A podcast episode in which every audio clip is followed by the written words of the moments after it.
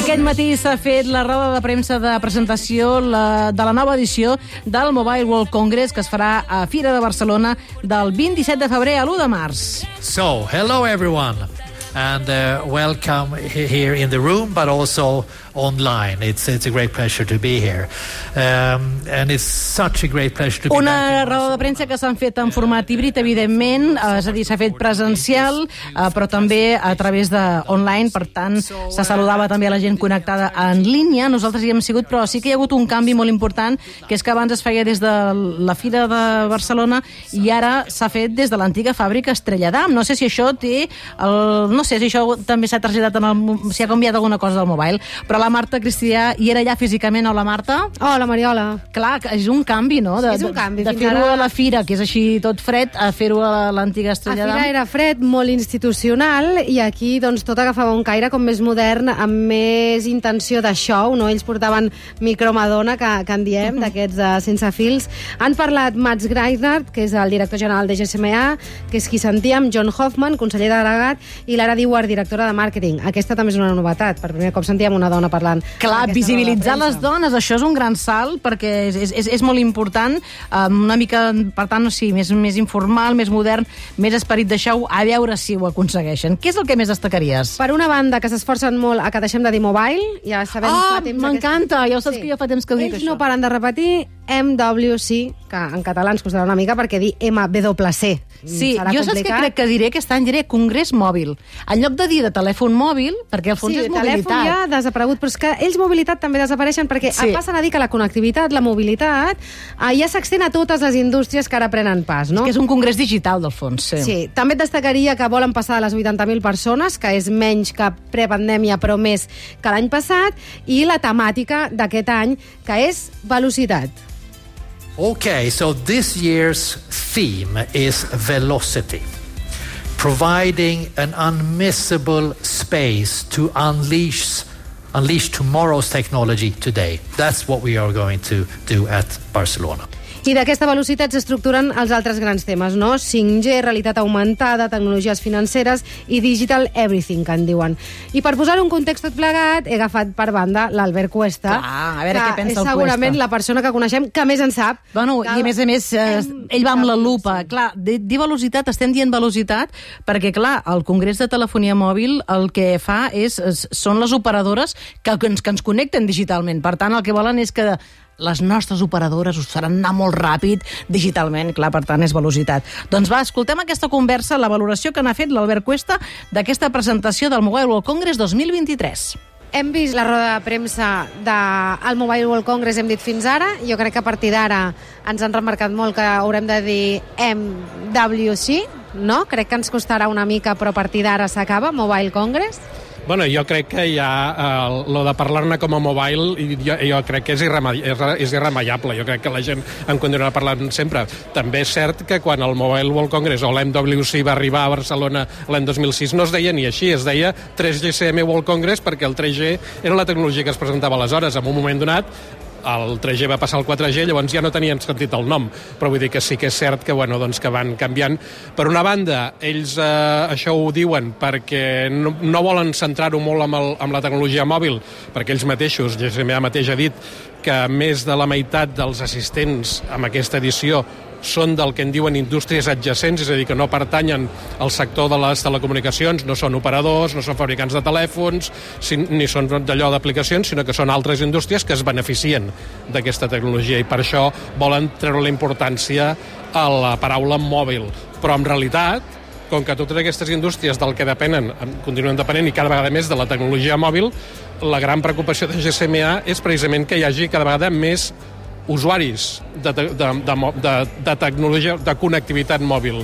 I han parlat de, doncs, dels 4.000 milions de persones al món que tenen eh, internet eh, mòbil i el que els hi preocupen els 3 milions i mig que, tenen, que no tenen internet mòbil, internet mòbil. I per altra banda també els hi preocupen els 3.200 milions de persones que, que tenint cobertura de mòbil no la fan servir. No fan servir el mòbil perquè l'aparell és massa car o perquè no saben fer-lo servir, o una cosa que m'ha cridat molt l'atenció, que és que perquè no tenen contingut local rellevant, o sigui que potser saben fer servir un mòbil, però no els hi serveix de res per la seva vida quotidiana. I això és el gran objectiu de la, de la GSMA, i aquestes coses són, és, una de, és una de les que es discutiran, a la, es debatran a les ponències, a les trobades, a les reunions que es faran a Barcelona aquests dies. Ja fa anys que, que en el mobile eh, trobem moltes coses de sostenibilitat, d'energia verda, però jo crec que és la primera roda de premsa que han remarcat més això, no? aquesta bretxa digital Uh, no sé, però, de com ells poden lluitar-hi. O sigui, què, què creus que trobarem més enllà d'una conferència? A veure, aquí hi ha dues coses. Una, hi ha la, la sostenibilitat de la pròpia, del propi esdeveniment, que això ja fa anys que diuen doncs, bueno, que reciclen els materials, avui han dit que l'excedent de, de, de menjar el donaran al banc dels aliments, eh, que l'energia que fa servir el recinte doncs, és de fonts renovables, etc etc. però és que tota la indústria de, la, de les telecomunicacions eh, com moltes altres indústries, està molt orientada cap a reduir la seva petjada mm, sobre de, de, de, mediambiental. I una de, una de les coses amb les quals treballen els subministradors d'equipament de, de les operadores de telefonia, que són els que sostenen aquesta indústria, és amb que eh, les xarxes de telecomunicacions siguin molt més eficients. O sigui, que transportar un bit consumeixi molta menys energia de la que consumia fa uns anys, i això realment està passant. Vull dir, jo fa uns mesos vaig veure unes dades d'una operadora, d'una telefònica, que deia que transportar el mateix bit ara els hi està, està, està consumint un 90% menys d'energia que fa, em sembla que 5 anys. Això és una passada. No hi ha cap indústria que sigui que hagi millorat tant la seva eficiència energètica. El que també és cert és que això no vol dir que la indústria en un conjunt consumeixi menys recursos, perquè el que, és, el que fem els usuaris és que estem consumint molts més bits, per tant, amb la pràctica estem consumint molta energia igualment. Anem al tema, no? Uh, velocity, han dit. Uh, tu esperaves que fos aquest tema? Què vol dir exactament? Uh, ells diuen uh, el, el lema era velocitat, uh, desencadenant la tecnologia futur, no? Una mica seria el que han dit?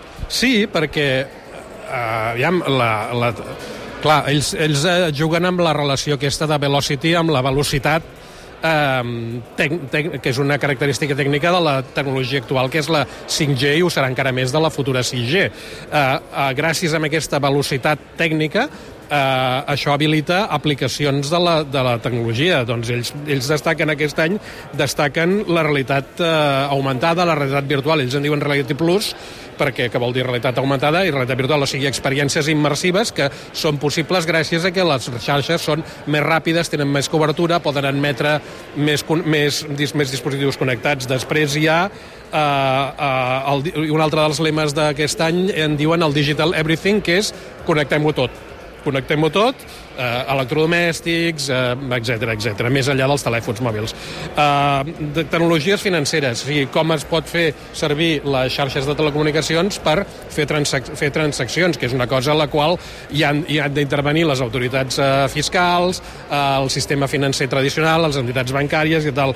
L'altre tema del qual parlen, eh, OpenNet. Ells, OpenNet, el que, vol, el que estan dient amb això és que fins ara les, els operadors de telefonia, les xarxes de telecomunicacions, fan servir eh, un, un, una quantitat relativament petita de proveïdors, els que els hi venen les xarxes, vull dir que hi ha quatre grans empreses, Huawei, eh, Ericsson, Nokia, Samsung i per a de comptar, que per cert són els, els expositors més grans del, del Congrés, a la part expositiva, eh, llavors hi ha una tendència impulsada sobretot pels Estats Units, que no tenen cap gran empresa en aquest, en aquest, en aquest mercat, a que eh, hi hagi més varietat de, de subministradors. I una mica que, igual que tu et pots comprar un PC de moltes marques, un, un HP, un Lenovo, un Asus, un Acer, eh, doncs que tu, un, si tu ets una telefònica, et puguis, no hagis d'anar a comprar les antenes eh, només amb aquests quatre saps? I això és una mica del, del, que, es, del que es va parlant en aquest, en aquest moment. El que passa és que no és tan fàcil fer xarxes eh, que siguin eh, universals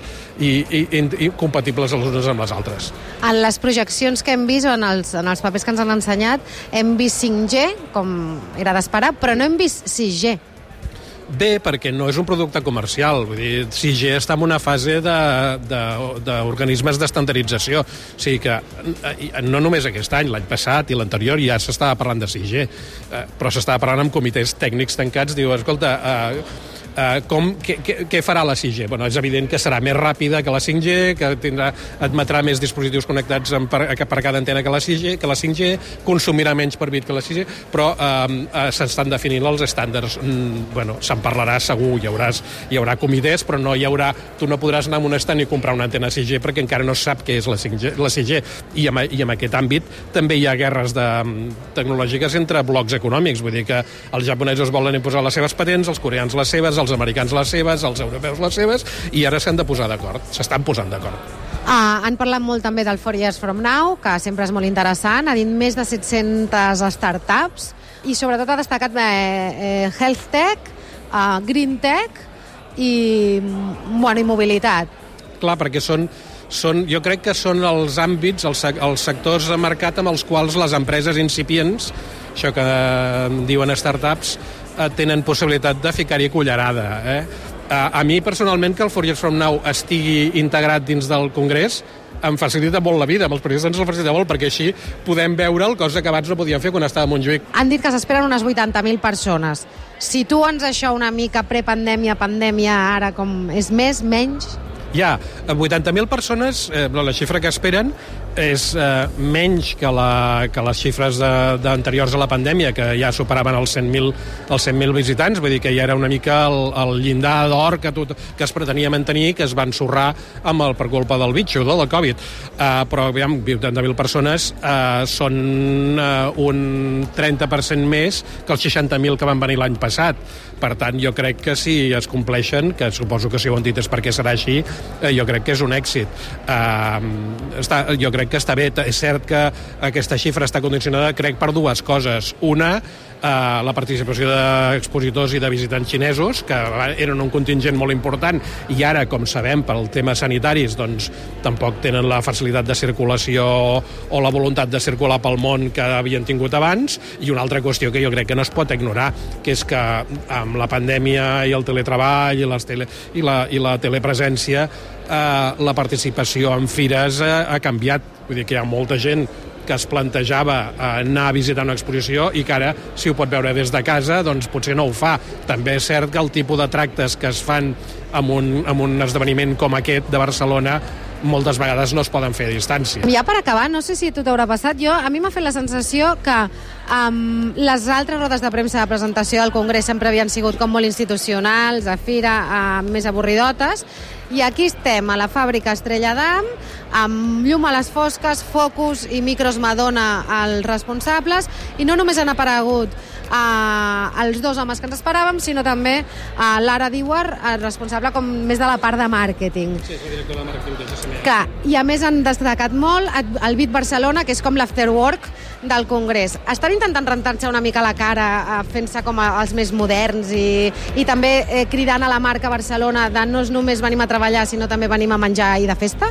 Bueno, aviam, uh, lo de fer-se els moderns, aquí el factor aquest lúdic, diguéssim, uh, sempre hi ha sigut amb aquesta fira i a qualsevol altra. Vull dir, parla de, parla d'una fira, parla del construmat, pensa en l'alimentària. Vull dir, el fet de que es faci a la fàbrica d'AM jo crec que respon amb una, amb una qüestió corporativa, que és que DAM ara és un dels patrons de la, o un de les empreses col·laboradores uh, principals de la Fundació Mobile, uh, de la Fundació Mobile World Capital Barcelona, que és qui formalment organitza l'esdeveniment. Llavors, em sembla lògic que, bueno, doncs que si, que si DAM esquitxa eh, vulgui visibilitat i està, ja, ja està molt bé. Albert, moltes gràcies. Ens veiem al Congrés. Espero que sí, segur. Doncs bé, Marta, anirem a, al Congrés, al Mobile World Congress, estarem tres dies en allà, doncs, trobant-nos a, a tot de gent que ens pot explicar una mica què és el que passa, però ja veiem. Velocitat i també sobre el Barça alguna cosa, no? També? Sí, han anunciat que eh, GSMA, Mobile World Congress i Futbol Club Barcelona han arribat a un acord perquè l'Sports Tomorrow Congress, que és això de l'Innovation Hub de, del Barça, ara formarà part del Mobile World Congress. Era un congrés d'innovació digital que també hi, hi anàvem habitualment, doncs eh, ho han integrat també al Mobile World Congress i veurem també els pròxims dies de quina manera també té presència el Sonar, perquè abans del confinament eh, s'havia anunciat un, un saló també, a l'Afterwork que organitzaven des del Sonar, també amb aquesta idea de modernització, eh, que crec que està molt bé que, que siguin una mica més moderns el del Mobile World Congress i que hi hagi més dones.